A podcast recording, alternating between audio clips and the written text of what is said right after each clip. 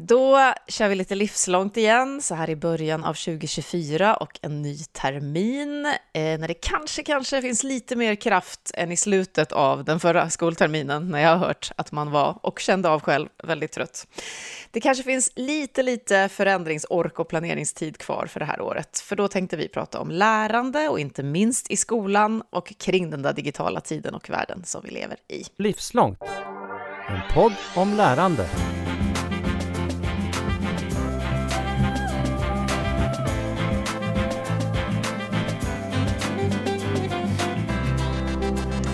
Och det är ännu ett tips till Livslångt. Vi är ju så glada för dem. Så hos mig, Katarina Pietschak, finns idag du, Patricia Diaz. Varmt välkommen hit. Tusen tack. Tack. Du, jag vet vem du är, på pappret i alla fall, och jag vet ju varför du är här. Men om du ska berätta det, vad säger du då? Vem är du och vad är det som står i fokus för dig, som vi också kommer att prata om idag? Ja, jag eh, presenterar mig ju fortfarande som språklärare i det är jag väl i själ och hjärta och grund och botten. Eh, nu var det några år sedan, sedan jag, eh, sedan jag jobbade som det, men jag har jobbat en, ungefär tio år som eh, språklärare på gymnasiet i engelska och spanska. Ehm, och har senaste åren ägnat mig åt doktorandstudier på KTH. Ehm, där jag också har varit, för sig också varit anställd på deltid sedan 2017 som pedagogisk utvecklare. Så det är väl det som jag ägnar liksom min vardag åt idag. Eh, och mina doktorandstudier rör sig ju kring teknik och lärande eh, där jag tittar på främst på lärarutbildningen och hur man arbetar med att få studenter att delta. Alltså jag tittar på deltagande och eh, så har jag då osökt kommit in på eh, digital kompetens och användningen av digitala verktyg och främst digitala responssystem. Och när du säger deltagande, alltså doktorand inom lärarutbildningens digitalisering formellt då, så vad, vad, kan det handla om rent konkret, det där deltagandet? Nej, men hur man får studenter och sen också då, alltså lärarstudenter då främst att delta i undervisningen på, på olika sätt. Att få, få dem att kommunicera och interagera, diskutera, eh, lyfta olika infallsvinklar och perspektiv och sådär, få till det där samtalet. Eh, så att eh, som jag, ja, min, min avhandling utgår ifrån att eh, samarbete och interaktion är viktiga hörnpelare i eh, ett lärande. Och så har du kommit in på då vad det kan innebära i gällande digital kompetens. Men du sa också att du är anställd som pedagogisk utvecklare, det såg jag också när jag läste på om dig. Eh, vad är det för pedagogisk utveckling just nu som du bedömer behövs om du försöker ringa in det? Ja, det var en bra fråga. Nej, jag, alltså, nu är jag ju tjänstledig eh, från den tjänsten som, eftersom att jag är doktorand på heltid. Men jag jobbade, jobbade i två år och då var det mm, det var en ganska speciell tid, för jag började 2017 och jobbade där och då ingick jag i något som kallades för MOOC-projektet där vi stöttade KTHs lärare i att eh, utforma och utveckla digitala kurser, alltså Massive Open Online Courses, MOOC, eh, MOOC-kurser. Yes. Um, och eh, det gjorde jag då under något år. Sen var jag lite föräldraledig en litet tag. Och sen när jag kom tillbaka så var det ju pandemi. Och det var ju ganska speciellt. Och eh, då jobbade jag i ett projekt som var, handlat om digitala examinationer. Och först började jag i det projektet på, då var ju tanken att examinationerna skulle ske på plats. Men sen så blev det ju pandemi och då fick ju alla tänka om i hur ska vi Mm. Hur ska man jobba med bedömning och examination? Det var välbehövligt för högskolevärlden kan jag säga, att tänka om lite grann kring just bedömning och examinationer i en digital tid. Mm. Ja, någon som sa att pandemin var bland det bättre som har hänt utbildningssfären. Jag vet inte om man törs ta det så långt för många tyckte säkert att det också var det värsta som hade hänt. Ja, men, precis. Eh, men, men det där då att vi var tvungna att göra saker på, på distans, det du hade tänkt dig var på plats först. Igen då, själva den pedagogiska utvecklingen, hur såg du behoven och utvecklingen av, av det? Men där var det ju att man eh, fick liksom fundera på, lite mer på processen istället för produkten, eh, även som eh, högskollärare. Och mm. det, var, det kan ju vara svårt om man har väldigt, väldigt många studenter att ha fokus på processen, men det var ändå förvånansvärt många som...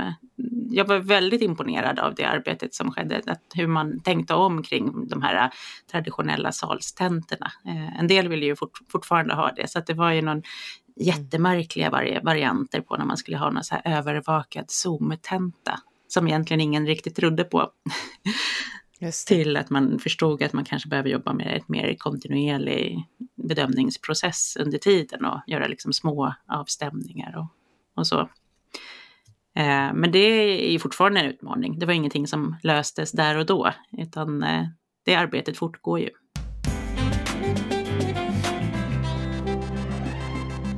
Det är lustigt, för just det där med processen lärande och hur vi ska förhålla oss till den har kommit upp flera gånger nu, bara de senaste par månaderna i mina sammanhang och här i, i podden också. Så det är roligt att vi kommer till det även här. Och det var ju väldigt bra då att brygga över till det som ju fick upp ögonen hos oss för dig just nu. Och det är ju, du har ju skrivit flera böcker om skolan tidigare. Uppenbart har du ett stort engagemang här för den pedagogiska utvecklingen.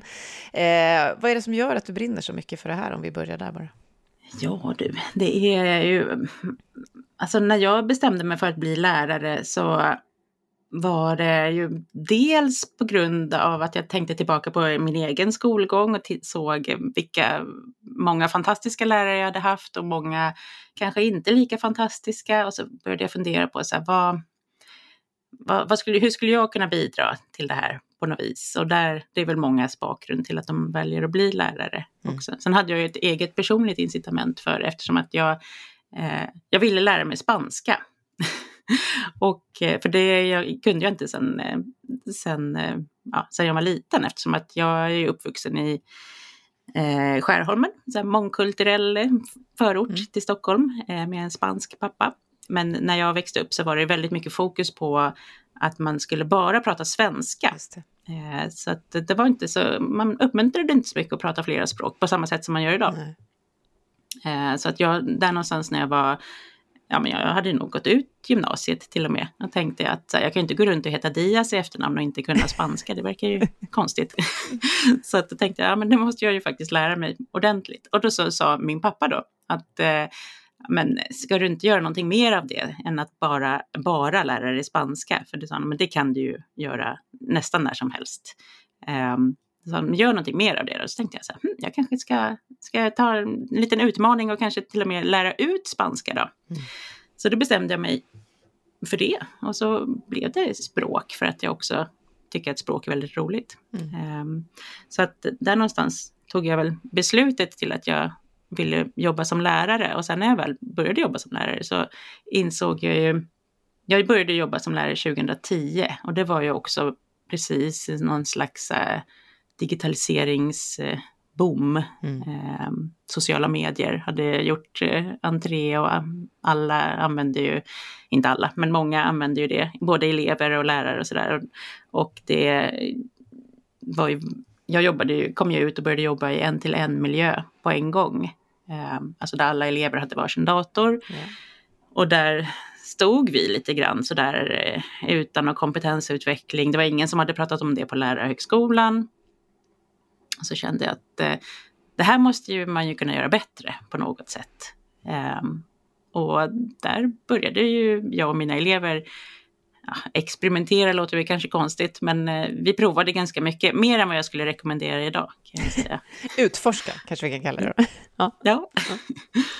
eh, och på den vägen är det ju. Att, eh, ja, men att jag upptäckte att vissa saker fungerar väldigt mycket bättre än vad andra gör, för att det var ju ganska många kraschlandningar också. Så att, ja, men och sen förkovra sig i liksom fortsatte läsa och läsa forskning och läsa eh, hur andra och ta del av hur andra har gjort och, och provade väldigt mycket. Så att, eh, och insåg att, det var, att en del saker som vi gjorde digitalt var, var bra och andra saker var mindre bra. Precis mm. så som det är idag och det är ju nästan 15 år senare. Eh, så att någon slags balans var det vi var ute efter och är fortfarande. Mm. Men då eh, är ju så, det så då att din nya bok som du har skrivit tillsammans med flera andra handlar just om lärande i en digitaliserad värld. 15 år senare också. Mm. Eh, vad är det ni vill skicka med genom den boken? Ja, alltså jag har ju skrivit den här boken tillsammans med Malin Frykman och eh, Sara Willemark. Eh, och när vi bestämde oss för att skriva den boken så var det ju som en bok, det låter så klyschigt att säga det, men det är ju som en bok som man själv hade velat läsa.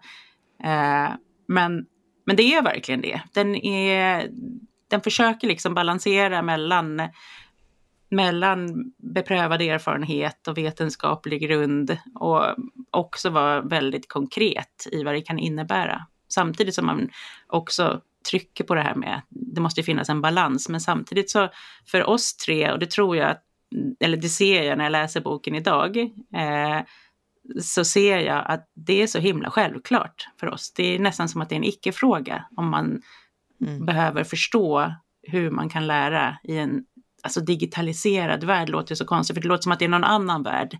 Det är det inte. Det är ju mm. liksom, det är ju en värld. Och det är en så naturlig del av, den, av det samhälle som vi lever i idag. Så att eh, det är nästan ingenting att diskutera. För att världen, oavsett vi vill eller inte, innehåller ju en del digitala delar.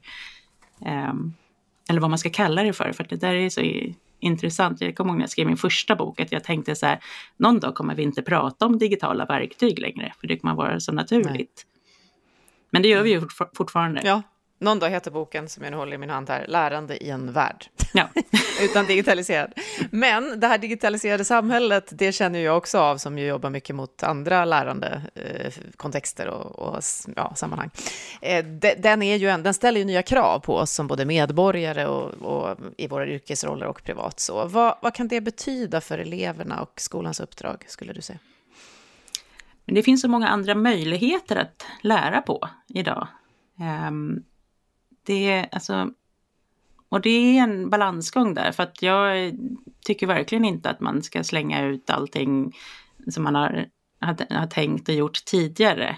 Eh, det vill jag verkligen understryka. Det finns så mycket lärande som pågår som är fantastiskt och många lärare som gör saker helt analogt. Men sen så, det är lite jag skulle säga att det är liksom att svika eleverna, att inte ta upp det här med att prata digital kompetens med dem eftersom att det, man behöver det idag. Det är liksom en del av modern allmänbildning. Det är ingenting som man inte, alltså, du kommer inte kunna, som lärare, det är nästan omöjligt. Jag, det, är liksom, det går inte att vara lärare idag utan att prata om det här med elever överhuvudtaget.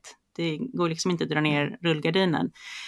Um, och jag tror att det är också för likvärdigheten i, som eleverna ska möta i undervisning, att alla ska ha, det har de ju inte tyvärr, men att man ska ju ha. Nej. Alltså att utbildningen ska vara likvärdig och så. Och det beror alldeles för mycket på idag, vem som, vilken, vem som är lärare, vilken elevgrupp man har, vilken skola man går på och sådär. Och det, den, bok, den här boken är ju också tänkt att var, försöka nå dem som inte alltså inte är de här spjutspetsarna som springer snabbast på alla bollar och så här. Vilket inte heller är att föredra alltid såklart. Nej. Men att eh, det som det kan innebära för elever idag är ju att det finns så många fler möjligheter att lära och det i sig kan ju göra att man, eller att de, eh, att de inte riktigt vet hur de ska göra, att de behöver liksom hjälp att eh, navigera i, i det här digitala gränssnittet och vad som skulle kunna funka, vad, det, vad finns det då för verktyg? För det är klart att det kan handla om specifika verktyg idag också. Mm. Men bara som en sån sak att man kan koppla, koppla upp sig och prata med en, eh, en elev i ett annat land och också dessutom få det realtidsöversatt idag. Det, man behöver liksom veta att det går att göra, för det finns, det finns så många möten som man kommer missa annars.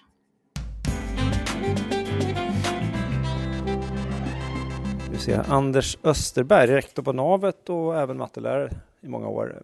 Om jag pratar om eh, skolan och digitalisering, hur tänker du att du använder digitalisering i lärandet? Ja, men I min eh, tidigare lärarroll så använde jag digitalisering eh, mycket och försökte få eleverna att använda det mycket. Jag använde det mycket som eh, ett verktyg för eh, att eh, klona mig helt enkelt. Spela in flippar, låta eleverna titta, i lugn och ro kunna titta flera gånger. Uppmana även eleverna att eh, spela in mycket i inlämningssyfte.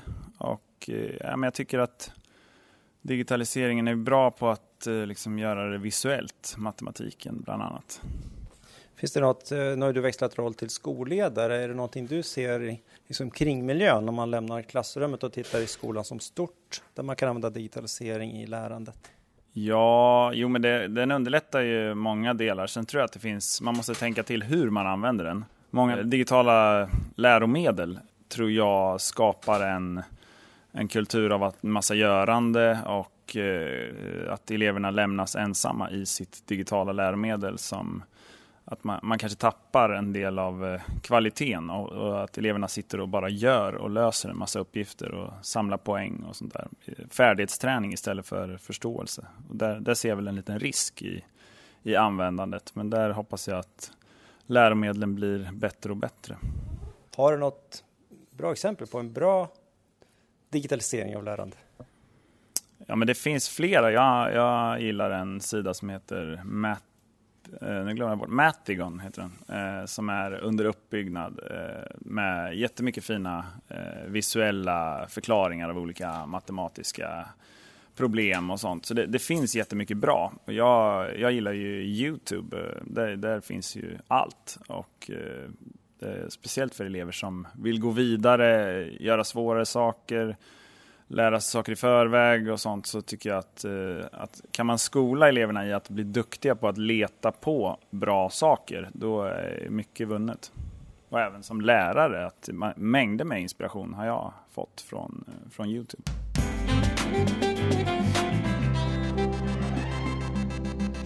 Kloka lärare som jag pratar med och har i min omedelbara närhet, de pratar just om det här, som du säger, om den här balansen, om att det faktiskt är en, en icke-fråga att, att, att det inte skulle finnas det här som element så.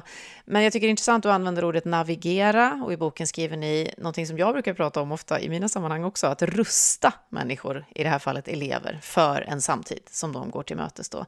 Ibland upplever jag som förälder och även i mitt jobb att det där med rusta och navigera ersätts av hantera, förbjuda, utesluta, byta ut. Eh, definitivt inte alltid rusta i alla fall. Va, vad krävs för att det ska bli ett rustande på riktigt? Ja du, eh, nej men att man, att man, får, att man får prova att eleverna får prova. Jag tror inte på att eh, helt låsa ner allting eller som någon föreslog att man ska stänga av internet i skolorna. Mm. Eh, det är ju inte att rusta eleverna, utan att man behöver lära sig att hantera eh, alltså internet och eh, liksom allt det digitala. Eller, ja, det låter liksom konstigt att separera det från det, det andra de ska lära sig. För att man, det, är som, det är lite som att jämföra med ibland i engelskundervisningen, att när man eh, undervisar elever på gymnasiet i engelska så ska man eller ska och ska, men det har ofta blivit så att vi, de lär sig om andra saker fast på engelska. Och det här är lite så här, det är lite, lite samma sak. Att de behöver, de behöver få använda teknik eller digitala verktyg för att bli bra på att göra det och också få testa på och få tänka kritiskt och fundera på är det här bra? Och komma fram till om det är det eller inte för dem Eh, mm. Och också den där källkritiska blicken måste man ju med sig hela tiden. Och den, den går liksom inte att lära ut om man inte jobbar aktivt med det. Ja, det är där man kan bli lite fundersam ibland då på var, apropå lik, det här kompensatoriska uppdraget, var ska det ske om inte i skolan då? Och just nu är ju liksom diskussionen och, och paradigmet inom det här är ju ganska polariserat. Det är mycket dikotomier, antingen skärm eller perm, antingen mm. appar eller böcker och så vidare. Eh, hur ska vi göra framåt, tycker du, för att hålla de här parallella spåren i, i huvudet? Att det här är en samtid som man behöver rustas för och samtidigt behöver vi lära på de bästa sätten. Ja, nej men alltså det, jag tycker också att den här debatten blir, det är nästan så att det är tröttsamt att mm. lyssna på. Eh, och jag kan, jag kan ofta tänka att det är så här, men jag tror att de allra flesta förstår att man behöver både och. Men att man vinner många billiga poänger genom att ha tydlig ställning för det ena eller det andra. Och jag tror att de allra flesta sansade människor förstår det. Att, mm. eh, att det handlar ganska mycket också om vilka signaler man vill sända som, men, kanske som politiker också. men jag kan tycka att det är ganska mycket billiga poänger att rimma om skärm och perm till exempel. Ja, det är mycket rim. Mm. Ja, det är mycket rim. Ja. Mm. Och det, det liksom är viktigare än så. Man måste, mm. man måste liksom kunna lyfta blicken över det. Eh, det är klart att det är viktigt, eh, det är klart att det är viktigt att eh, förstå sig på hur man skriver med penna och papper. Eh, det tror jag alla också, jag tror att alla håller med om det.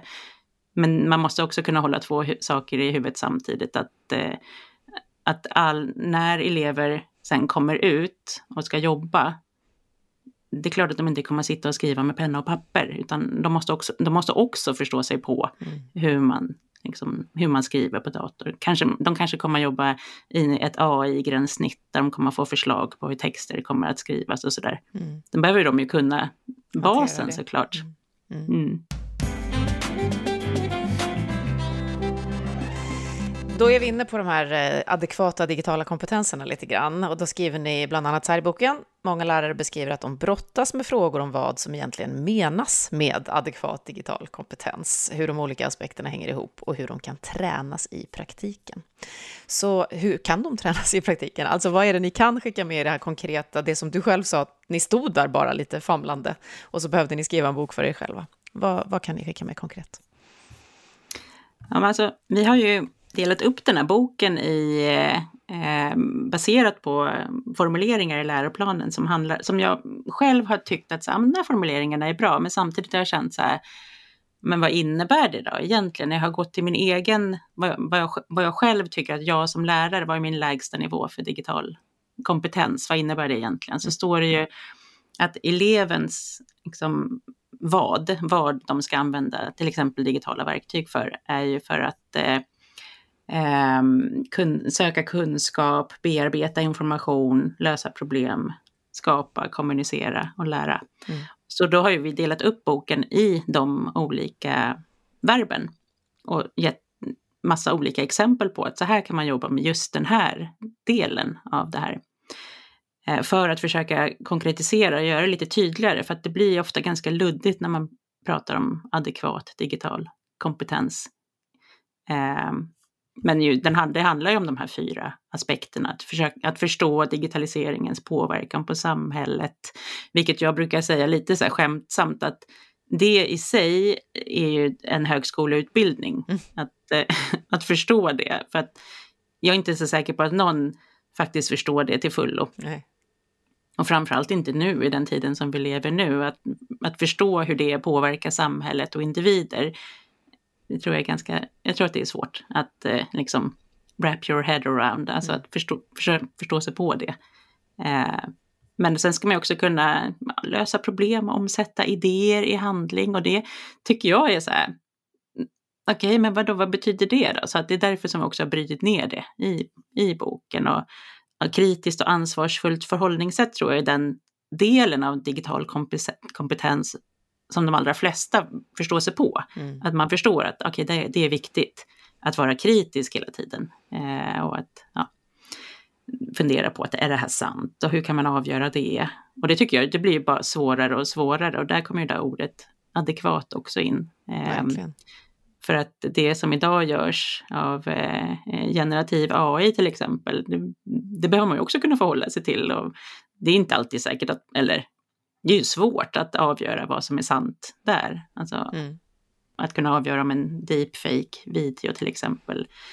Det, det, är väldigt få som direkt kan se att ja, det, där är, det där är inte på riktigt. Nej. Eh, men sen så är en annan del av den digitala kompetensen är ju också att kunna använda och förstå digitala verktyg. Ehm, och då behöver man ju få jobba med det för att kunna förstå det. Då kan man inte bara stänga av. Nej. Nej, det där är ju återigen som förälder med ett barn som numera är på universitetsnivå eh, och när det lästes källkritik redan då tänkte jag, eh, är det inte lite liksom, apropå ordet adekvat, borde det inte in lite mer digital källkritik här? Mm. Alltså inte bara teoribildningar kring källkritik och flera källor och så, som jag ju själv är väldigt utbildad i och har praktiserat mycket. Så det ska bli spännande med de yngre barnen och se hur det här, när dessutom den generativa AI-boomen har slagit, hur det utvecklas. Men, och du sa det då, du funderade över de här kompetenserna i relation också till vad du behöver kunna. Så vad ställer allt det här för krav på lärares kompetens, skulle du säga? Jag tror att man behöver verkligen rannsaka sig själv och fundera på att eh, om man själv kan använda digitala verktyg för de syftena. Eh, det gör, försöker jag göra hela tiden. Eh, och ibland så svarar jag ja och ibland så tänker jag så här, ja, eller kan jag, kan jag verkligen det? Jo, jag kan det på en basic nivå, men att det kommer ju också hela, det byggs ju hela tiden på. Så att eh, jag tror att det också är i, i lärarens uppdrag att hålla sig ajour med samhällsutvecklingen. Och det tror jag att de allra flesta skulle skriva under på. Men att man kan liksom inte separera det, liksom den digitala samhällsutvecklingen från den analoga, utan de går ju hand i hand. Så att eh, jag tror att man behöver ju hänga med. Sen kanske man inte behöver ha koll på de allra senaste AI-verktygen. Det är ju lite nörd, nörderi som typ jag och en del med mig. Mina kollegor och sådana ja, håller på med. Yes. ja, men precis. Mm.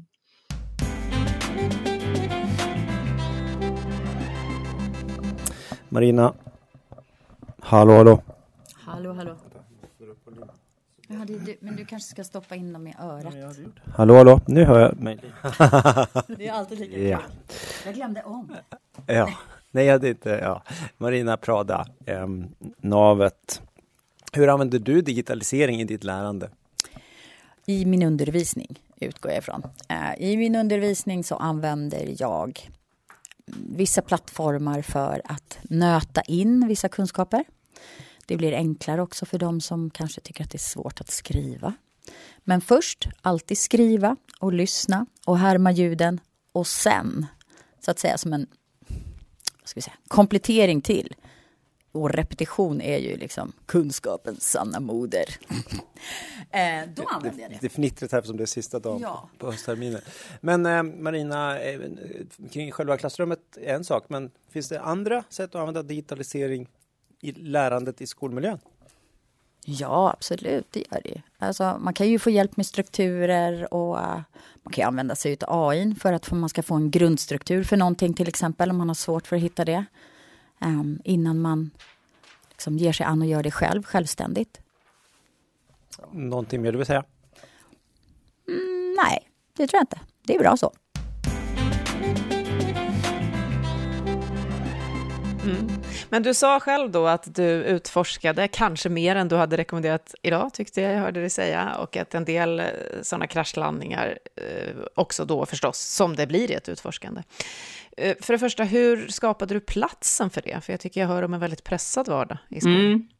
Jo, men det var ju en av de stora kraschlandningarna som vi gjorde. Eh, jag tror att ett av våra allra första projekt handlade om att eleverna skulle få spela in eh, eh, nyhetssändningar på engelskan. Eh, och eh, det tog ganska mycket tid eh, för att de skulle sitta och redigera och pilla och peta på allting och det var green screens och ja. Eh, Så där fick man ju hjälpa till att avgränsa och säga att mm, det här behöver liksom inte vara perfekt, perfekt på något sätt. För att jag tror att de också hade någon slags föreställning om att det var slutprodukten som skulle bedömas. Och det, så var det ju inte. Eh, Så där måste man ju vara väldigt tydlig med vad, varför man gör saker. Vad är det vi tränar på? Mm, Eh, Processen exakt. igen. Mm. Eh, Så att de inte la för mycket tid på det. Men det, det kan också vara ett så givande och tagande. För det, det vi kom överens om var ju att de fick gärna sitta och pilla och peta hur mycket de ville under en visst antal lektioner, bara de gjorde det på engelska. Och där kunde jag ju då gå runt och fånga upp och lyssna på dem när de pratade och göra, mm, alltså, ta, in, ta in det och så här. Ja men okej, ja, men nu har jag hört. Nu har jag hört den där eleven som aldrig skulle hålla en presentation till exempel. Nu har jag hört den eleven prata engelska i fem minuter där med sin kompis och då hade jag ändå något slags underlag på det. Eh, så att eh, vad sa vi nu? Vad var vad frågade, vad frågade vi? Nej, jag tänker att, att jag hör om en pressad, många lärare som har det väldigt pressat och att man väldigt gärna då, eller väldigt gärna, men det blir så att du gör som du alltid har gjort för att det är det som går snabbast att komma fram till, snabbast att planera, snabbast att utföra.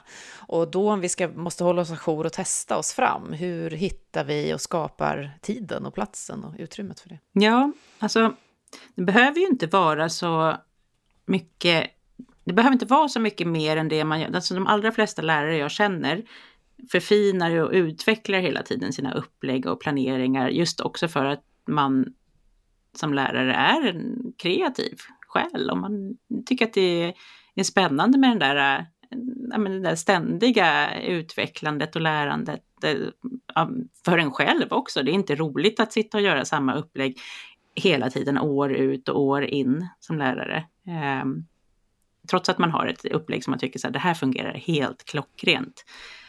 Men med tiden så kanske det också man kommer på att det här kanske vi behöver skruva lite grann på.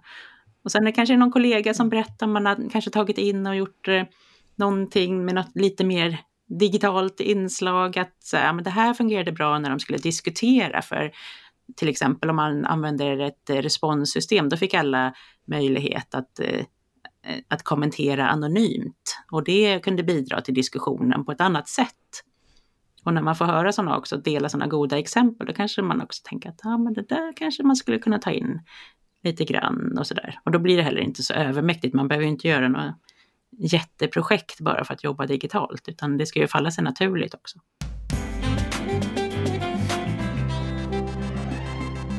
Jag tänker på att vi också har kommit tillbaka till flera gånger att vi ju ibland tittar på eh, frågan väcker skolan ökad lust att lära? Och att de siffrorna har varit lite deprimerande de senaste åren. Och att sådana som jag som jobbar sedan med vuxna som hela, hela livet ska lära, livslångt lärande, alltid, du ska alltid vara nyfiken på något nytt och att det där behöver överbryggas, det där gapet. Tror du att ett sånt här utforskande tillsammans med eleverna kan, kan stödja det är liksom starten av det livslånga lärandet redan i skolan. Ja, men det tror jag. Jag tror att eh, genom att vara en förebild i att vara nyfiken och visa på att man liksom aldrig är helt fullärd eh, så kan man också inspirera eleverna till att våga prova och våga utforska och tillsammans. Och sen tror jag att man också som lärare behöver släppa lite på prestigen i att man ska kunna allting. Det var som jag sa till mina elever att eh, eh, ja, men jag, jag är rätt bra på engelska, jag är rätt bra på spanska, eh, men jag är framför allt här för att leda er i ert lärande. Det är där min kompetens är. Att jag ska försöka jag ska mm. försöka planera ett upplägg som gör att jag kan ta reda på vad ni, vad ni kan och vad ni inte kan och försöka planera och göra upplägg som ska vara så pass eh, stimulerande och utmanande så att ni ska lära er så mycket som möjligt. Det är där min kompetens sitter. Sen är inte jag världsbäst på vare sig språk eller eh, digitala verktyg utan, alltså, eller andra komponenter i undervisningen, utan där får vi liksom hjälpas åt. Och det brukar, eller ja, det beror väl kanske på hur man är som lärare också såklart, men den, eh, den approachen har funkat för mig och mina elever. Mm. Du beskriver det så himla fint det jag hör att många efterlyser, att vi behöver fokusera på om vi nu ska följa processen lärande, just som vi var inne på. Fredrik Reimann, Navet, lärare i svenska och idrott lite grann. Stämmer. Ja. Eh, hur använder du digitalisering i, i din undervisning? Ja, jag försöker tänka det som eh, att det är ännu ett verktyg. Jag brukar, när jag pratar med eleverna så brukar jag säga att eh, Eh, Eh, jämföra med hantverkaryrket. Att förstå att eh, man behöver ha olika verktyg för olika saker och olika uppdrag eller eh, problem man behöver ha en lösning på.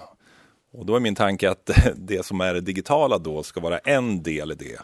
Och när elever presenteras med ett problem eller en uppgift så ska de öppna sin lilla verktygslåda och då ska de inse att Kanske någonting digitalt är det bästa verktyget, kanske någonting analogt är det bästa. Men det är det jag vill att de ska ha en, eh, en välfylld verktygslåda eh, för att lösa olika slags utmaningar eller kreativa problem de har. Du är också IKT eh, vad heter det, lärspridare. Ja, du jobbar med IKT-frågor, digitaliseringsfrågor på skolan. Vad kan skolan som helhet, hur kan den använda digitalisering i, i, eh, för att underlätta elevernas lärande? Ja, det är en väldigt stor fråga, men eh, någonting som vi har gjort här i Örebro kommun är ju att vi försöker träffas skolor emellan och lära av varandra. Eh, och det kan vara allt från smått till stort, att inspireras och höra hur olika skolor gör och löser sina digitala utmaningar. Så, eh, så ja, det, det är komplicerat att svara på så här enkelt, men eh, jag tror mycket på att lära av varandra och få idéer och precis som att jag har i min verktygslåda och den är ju begränsad. Eh, så ibland när man får titta in i andras verktygslådor, då, då kan man hitta saker där som får en att eh, ja, tänka lite på nya vägar och nya spår. Öppenhet för det alltså och som en verktygslåda. Tack Fredrik Reimann för detta.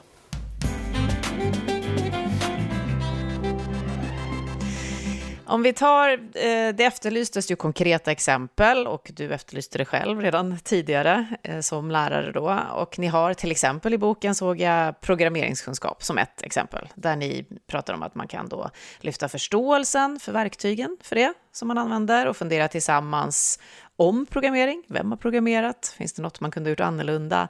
Eh, hur det fungerar överhuvudtaget med programmering och, och presentera information med hjälp av digitala verktyg. Eh, använda dem för att arbeta med det man ska producera och sådär. Eh, vad, vad skulle du säga är liksom nyckeln till att verkligen få in det här sådär naturligt som du beskrev alldeles nyss, så att de här diskussionerna kommer upp. Generativ AI är väl också ett jättebra exempel. Hur funkar den? Varifrån kommer informationen och så vidare? Alltså man måste ju nog utgå ifrån vad det är, eh, vad det är man kanske hade tänkt från början i undervisningen. För det är ju en stoffträngsel i vissa, vissa ämnen och kurser som heter, ja, som heter duga. Eh, så att om man tittar på, men ofta så går det att koppla ihop. Det behöver inte alltid vara så himla svårt. Så att om man till exempel men om man läser en text till exempel, alltså det kan vara så enkelt egentligen att att liksom lägga på något slags, vad ska man säga, det är konstigt att säga att det skulle vara ett lager till, för det är det inte, utan det ska ju liksom integreras i själva arbetet.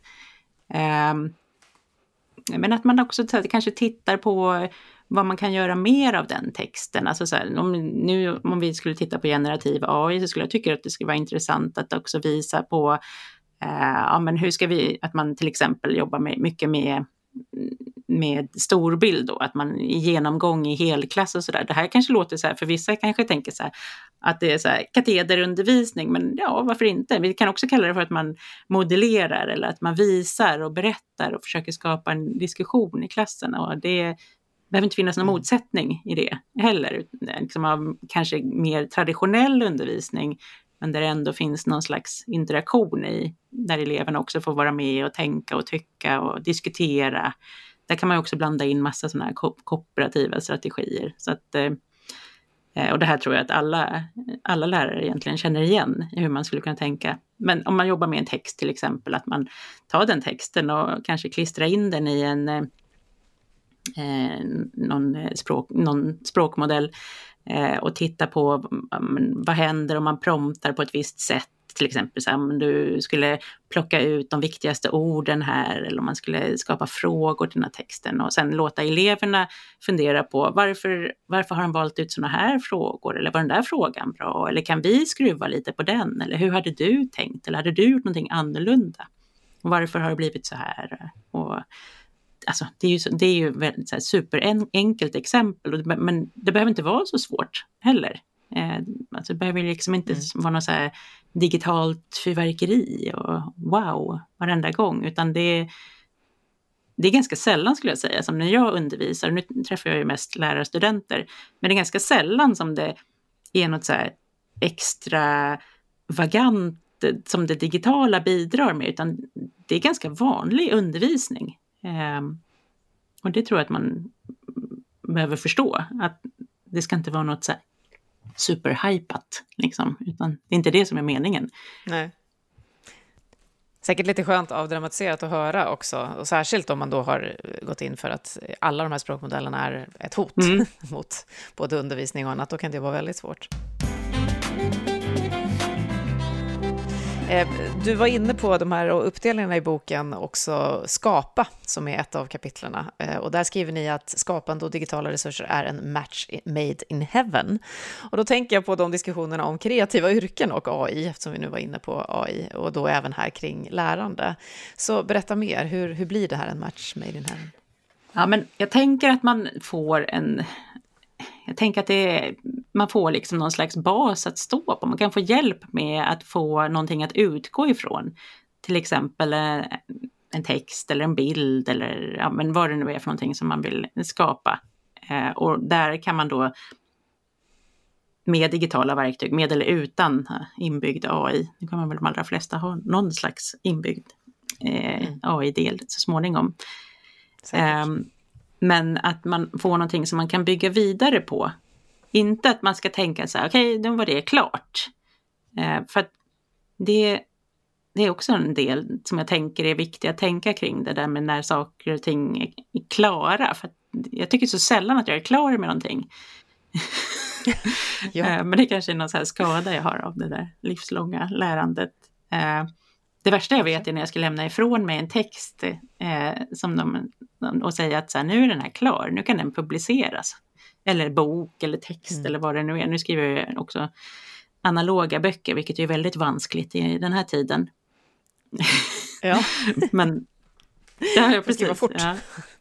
Um, men att där tror jag att elever också behöver förstå att man liksom behöver vara i en process hela tiden och kan man bygga på det som man också kan generera med digitala verktyg så att de lär sig att de kan få, eh, liksom, få någonting att utgå ifrån och sen bygga vidare på det så att det blir som ett slags bollplank hela tiden. Ja, vi får se om vi lyckas avsluta den här podden då, om vi båda är sådana här som tycker att det bara pågår. ja, jobbigt om vi ska säga i slutet sen att vi är eh, klara nu. Exakt, nu är vi klara, nu har vi rätt ut allt det här. Eh, jag tänker också på någonting ni skriver om i boken, att ni bygger en del på den så kallade TPAC-modellen, vilket känns ganska likt något jag själv håller på att försöka utforma och designa för vuxnas lärande, nämligen att addera just kompetensen lärande till både teknikutvecklingsbehov och andra expertiser man behöver lära sig, alltså sakinnehåll, mm. ämnen. Eh, väldigt kort om du skulle berätta om den modellen, vad, vad handlar det här om? Eh, ja, men TPAC från början, alltså det här är liksom ingen eh, universalmetod utan det här är en av många modeller som finns. Men TPAC från början handlar ju om hur man integrerar eh, teknisk, pedagogisk eh, och ämnes knowledge, eh, ja, kunskap i, för, att, eh, för att designa undervisning utifrån de aspekterna. Eh, och anledningen till att vi valde att utgå ifrån det för att eh, Sara också skrev sitt, sin avhandling om där hon vidareutvecklade TPAC till eh, TPAC in situ som hon kallar det för. Eh, som... Lite innan. ja. ja. Eh, och mm, den, eh, ja, den togs ju fram för att stödja lärares arbete eh, med att digitalisera undervisningen och baseras på lite mer konkreta frågor som liksom handlar om vilken teknik som används och hur väl den stödjer eh, eh hur väl stödjer den här teknikanvändningen, kursmålen och hur de här tre komponenterna passar ihop och, och sådär. Så att man kan liksom följa den, den här TPAC in situ när man, när man designar undervisning eller gör ett upplägg. Vissa är ju verkligen allergiska mot att man säger att man designar undervisning. Mm, eh. det ordet kan väcka känslor, har jag också märkt. Ja. Men, eh, men jag tänker att om man, om man tycker att det ordet är jobbigt så kan man väl tänka att man planerar eller gör ett upplägg. Mm. Att man funderar på vilket ämnesinnehåll och pedagogik och vilken teknik som ska behandlas i undervisningen. Och sen fundera på hur de stödjer varandra. Och sen får man liksom göra en helhetsbedömning av designen. Och så får man modifiera om det är någonting som inte, som inte mm, ja, men, hänger ihop eller om det är någon del som blir för mycket av eller så.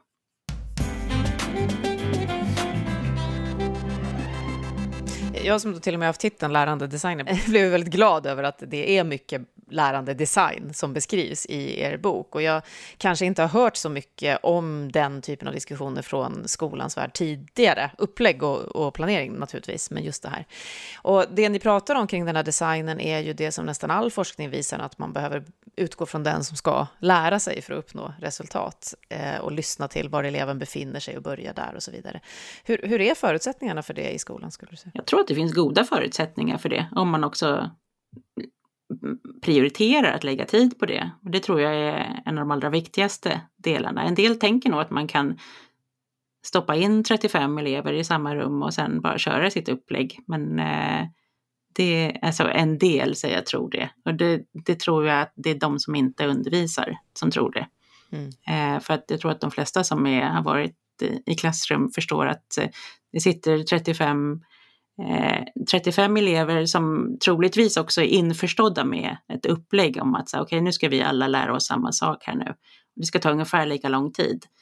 Och det kommer vara olika svårt för, för oss, för att vi ligger på olika nivåer och alla har inte exakt samma förutsättningar. Så att jag tror att man som lärare måste börja, börja med att titta på förkunskaper och förförståelse och, och så. Att det, och det ligger, precis som du säger, det ligger inom ramen för de flesta forskningsfält, alltså, och också så här språkutvecklande undervisning och formativ bedömning. Och, ja, det är ju inte, det är ju, det är inget konstigt att göra det. Det tror jag att de allra flesta vill göra och också väljer att lägga tid på i början av arbetsområden. Jag hoppas det i alla fall. Mm.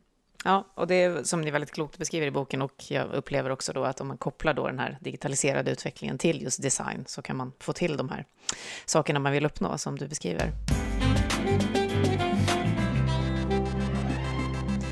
En annan sak jag fastnade för var begreppet kunskapssöka, apropå tröttsamma dikotomier och diskussioner som man stöter på ibland, så får man ibland höra sånt som att man kan inte bara googla fram allt utan kunskapsbas. Som att någon trodde det, men ändå.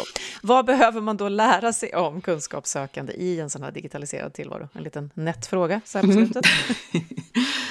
eh, nej, men jag tror just det där kunskapsbegreppet det har man ju fått fundera ganska mycket på, särskilt nu eh, senaste året med vad som egentligen är kunskap och vem som besitter den. Och, ja, den där är, det är en stor fråga. Eh, men jag tror att man behöver alltså, det, vi pratade så länge om det här, jag, Malin och Sara, om att när man bearbetar information, som ju också är ett av de här verben som är formulerade i läroplanen, när man har bearbetat information eh, så det är väl först då som man också kan liksom omvandla det till sin egen kunskap. Men att söka någon annans kunskap, vi höll på att fundera på om det var om vi sökte kunskap eller sökte information. Eh, mm, och funderade på när är det någon annans kunskap som man har hittat och när är det, någon, när är det bara, bara information och funderade på så här, vad, vad är egentligen vad. Där.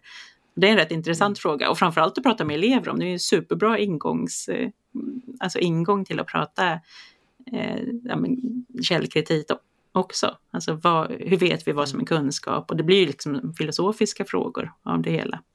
Verkligen. Verkligen. Ja, och då hör jag ibland, inte minst från eh, då lärare som jag pratar med, att eh, kids eller ungar eller elever eller vad vi vill kalla dem idag, de är inte alls sådär digital natives som vi har trott. De är inte det på de sätt vi menar att man är då. Och då undrar jag, är det, är det det som vi ska skicka med dem? Är det så de ska bli digitala? Är det det som är adekvat digital kompetens? Nej, men jag, nej, men alltså, jag tror att det är ingen, jag tror ingen liksom föds eh, digitalt kompetent oavsett vilken uppväxt man har och hur mycket man, utan det tror jag att man, man behöver aktivera elevernas tänkande kring de här frågorna och ställa, ställa frågor som får dem att tänka. Och det handlar inte om att sitta och knappa sitta och knappa i något spel. Det är inte det som är digital kompetens, utan det handlar om att försöka väcka lite större frågor hos eleverna. Så att jag tror att man som lärare, det, ska man slipa på någonting i sin undervisning så är det nog att försöka ställa frågor som får eleverna att tänka. För det där var också någon som sa nu eh, i och med generativ AIs intåg att ska vi sluta tänka nu? Nu kommer eleverna sluta tänka. Mm. Och medan jag tänkte så här, nej, alltså det är ju nu vi ska börja tänka. är det något vi ska göra nu så är det att vi ska tänka. Ett mänskligt tänkande nu är ju guld värt. Och att få samarbeta med andra och att, eh, ja men det här med det relationella lärandet, att få interagera med andra och samtala och diskutera saker och komma fram till saker gemensamt tror jag är oerhört viktigt nu.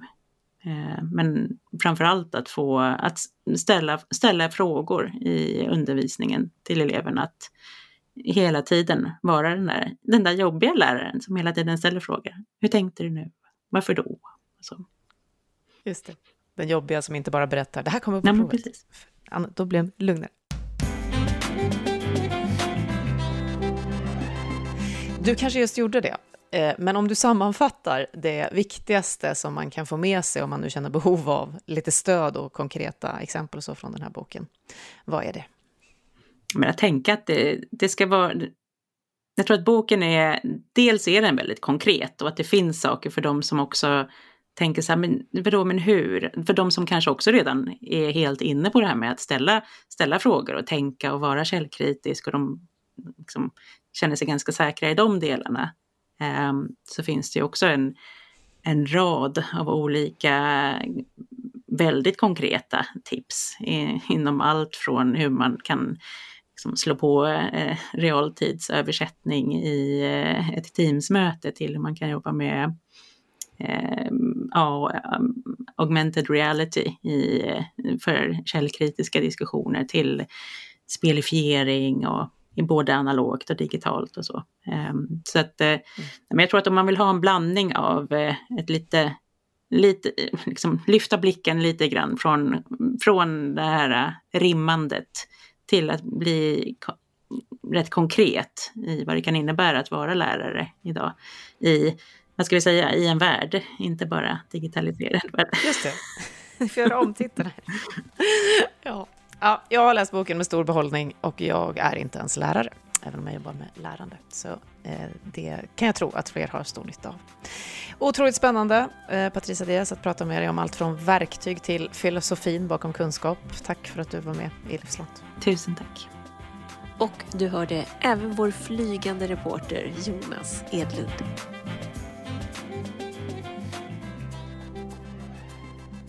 Du har just hört Livslångt, en podd från RISE om allt det där man lär sig i livet. Vi hörs om en vecka igen.